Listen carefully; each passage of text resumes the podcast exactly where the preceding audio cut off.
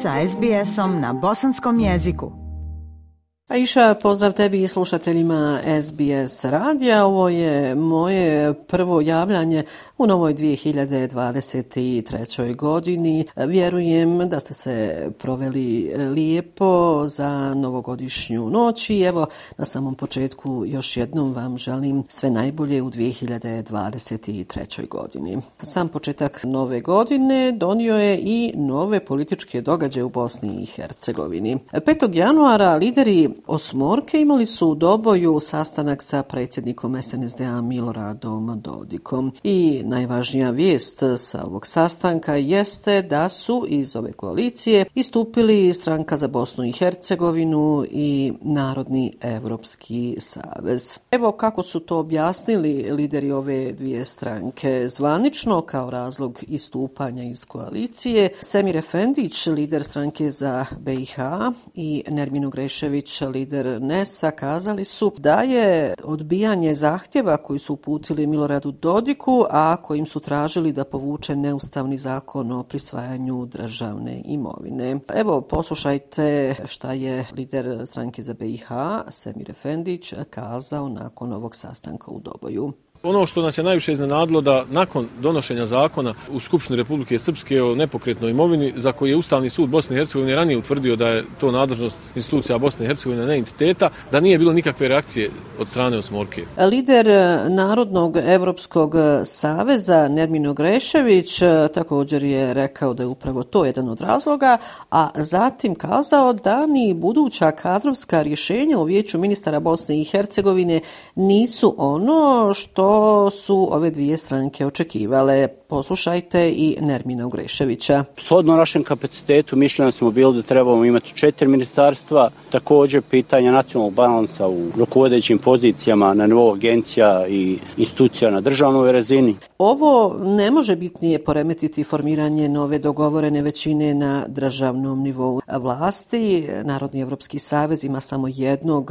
poslanika u predstavničkom domu parlamenta Bosne i Hercegovine, dok stranka za BiH nema ni jednog. Međutim, Narodni Evropski savez i stranka za BiH imaju mnogo veću moć na nižim nivoima vlasti, tako da ostaje otvoreno pitanje šta će biti, o tome ću nešto kasnije, a evo sada se upravo vratim na ovaj sastanak u Doboju. Dakle, kao vijest dana, bilo je to da su dvije stranke, NES i stranka za BiH, istupile iz koalicije Osmorke i SNSD-a ali su nakon ovog sastanka govorili lider SNSD-a Milorad Dodik koji je poručio da se pitanje kao što je nepokretna imovina koja se rješava putem dijaloga ne može riješiti tako lako. Poslušajte Milorada Dodika pitanja kao što je imovina je pitanje koje rješava se putem političkog dijaloga. On se ne može riješiti. Mi nismo ni obećali da ćemo prestati da borimo se za imovinu, kao što i on neće. To je stvar neke procedure koja ima svoje uporište. Mi smatramo da je to pitanje riješeno Dejtonskim sporazumom i Ustavom Bosne i Hercegovine, da je vještački nametnuto od strane viskih predstavnika i strani sudija i to je to priča. Okupljenim novinarima u Doboju obratio se i predsjednik SDP-a Bosne i Hercegovine Nermin Nikšić koji je poručio kako je istaknuta želja da se napravi novi ambijent u Bosni i Hercegovini. Evo riječi i Nermina Nikšića. Ali spomenuli smo niz otvorenih pitanja, pa čak pitanja potpisivanja sporazuma Bosne i Hercegovine sa islamskom zajednicom, rješavanja neke stvari. Evo, čini mi se da pravimo te prve pionirske korake na polju saradnje, dogovaranja i stvaranja pretpostavki da Bosna i Hercegovina krene naprijed. Ovo istupanje dvije stranke iz koalicije na neki način je iznenadilo i samu Smorku. Zašto? Pa upravo dan prije sastanka u Doboju lideri Osmorke su se sastali u Zenici. Nakon tog sastanka predsjednik SDP-a Nermin Nikšić kazao je kako je politički pakt između osam stranaka u potpunosti stabilan i da nastavljaju raditi na formiranju vlasti na svim nivoima. Kada su u pitanju eh, dešavanja unutar eh, same osmorke, Nikšić je kazao da je situacija stabilna i da SDP neće nikoga disciplinirati. To je, dakle, u Zenici poručio predsjednik SDP-a. Kažem da je očito i osmorku iznenadio stav um, stranke za BiH i Narodnog Evropskog saveza, a to je na neki način nakon sastanka u Doboju rekao lider Naroda i pravde Elmedin Konaković. On je kazao kako nije korektno da se na taj način izađe iz osmorke. Konaković je također rekao da izlazak ove dvije stranke iz koalicije neće poremetiti dogovorenu većinu na državnom nivou. Konaković također smatra da to neće poremetiti ni većinu na nivou Federacije Bosne i Hercegovine. Evo poslušajte Elmedina Konakovića, lidera Naroda i pravde. Nas ima deset, bez njih ima nas tačno 7.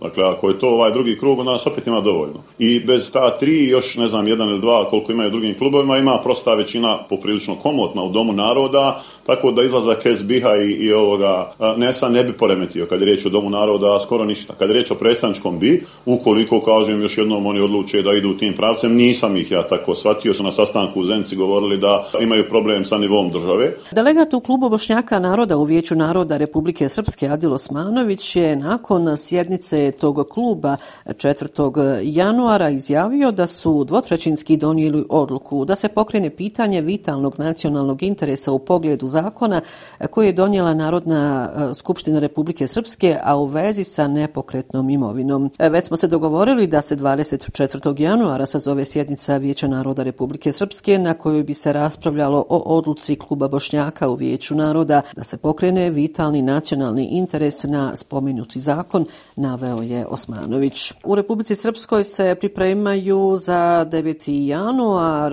dan Republike Srpske koji je, podsjećam, ustavni sud Bosne i Hercegovine proglasio neustavnim. Tim povodom se svojim pismom obratio i Kristijan Schmidt, visoki predstavnik Međunarodne zajednice u Bosni i Hercegovini. Proglašenje 9. januara danom Republike Srpske je neustavno, a odluke Ustavnog Ustavnog suda Bosne i Hercegovine su konačne i moraju se poštovati. Ovako glasi upozorenje visokog predstavnika Kristijana Šmita. Šmit u pismu naglašava da svi javni organi i javni zvaničnici u Bosni i Hercegovini imaju obavezu pridržavati se ustavnog poretka Bosne i Hercegovine. Šmit je dodao da obilježavanje neustavnog praznika ne ugrožava samo vladavinu prava, već i izgradnju povjerenja i nije u skladu sa evropskim vrijednostima. Centralna izborna komisija Bosne i Hercegovine zasjedala je 5. januara i odlukom Centralne izborne komisije SNSD je dobio četvrtog delegata u Domu naroda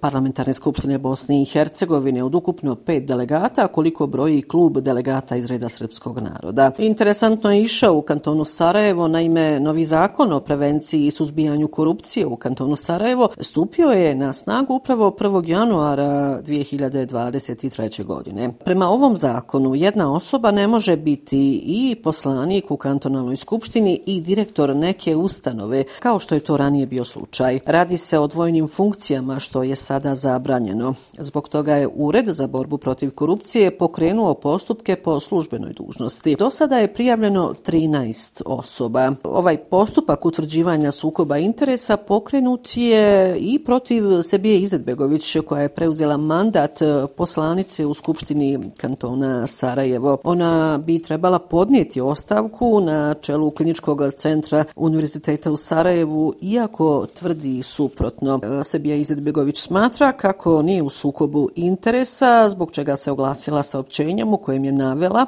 da ne napušta klinički centar zbog pozicije poslanika, odnosno poslanice u Skupštini kantona Sarajevo. Naravno, ovaj zakon o prevenciji i suzbijanju korupcije u kantonu Sarajevo predviđaju ako se neka osoba ogluši e, dakle, na ovaj zakon, više su nego jasne, kazne se kreću od 2000 do 10.000 konvertibilnih maraka. I evo iša za kraj ovog javljanja jedna sportska informacija. Predsjednik Nogometnog saveza Bosne i Hercegovine Vico Zeljković na preskonferenciji u Sarajevu 4. januara predstavio je novog selektora Faruka Hadžibegića i poželio mu sreću u predstojećim kvalifikacijama za evropsko prvenstvo. Sarajevo. Prema njegovim riječima, izvršni odbor Nogometnog saveza jednoglasno je podržao izbor selektora Hadži Begića, što sigurno govori o jedinstvu u Nogometnom savezu Bosne i Hercegovine, da idemo u istom pravcu i da razmišljamo futbalski, kazao je predsjednik Nogometnog saveza Bosne i Hercegovine Vico Zeljković. Eto, iša ovom sportskom informacijom i završavam e, uh,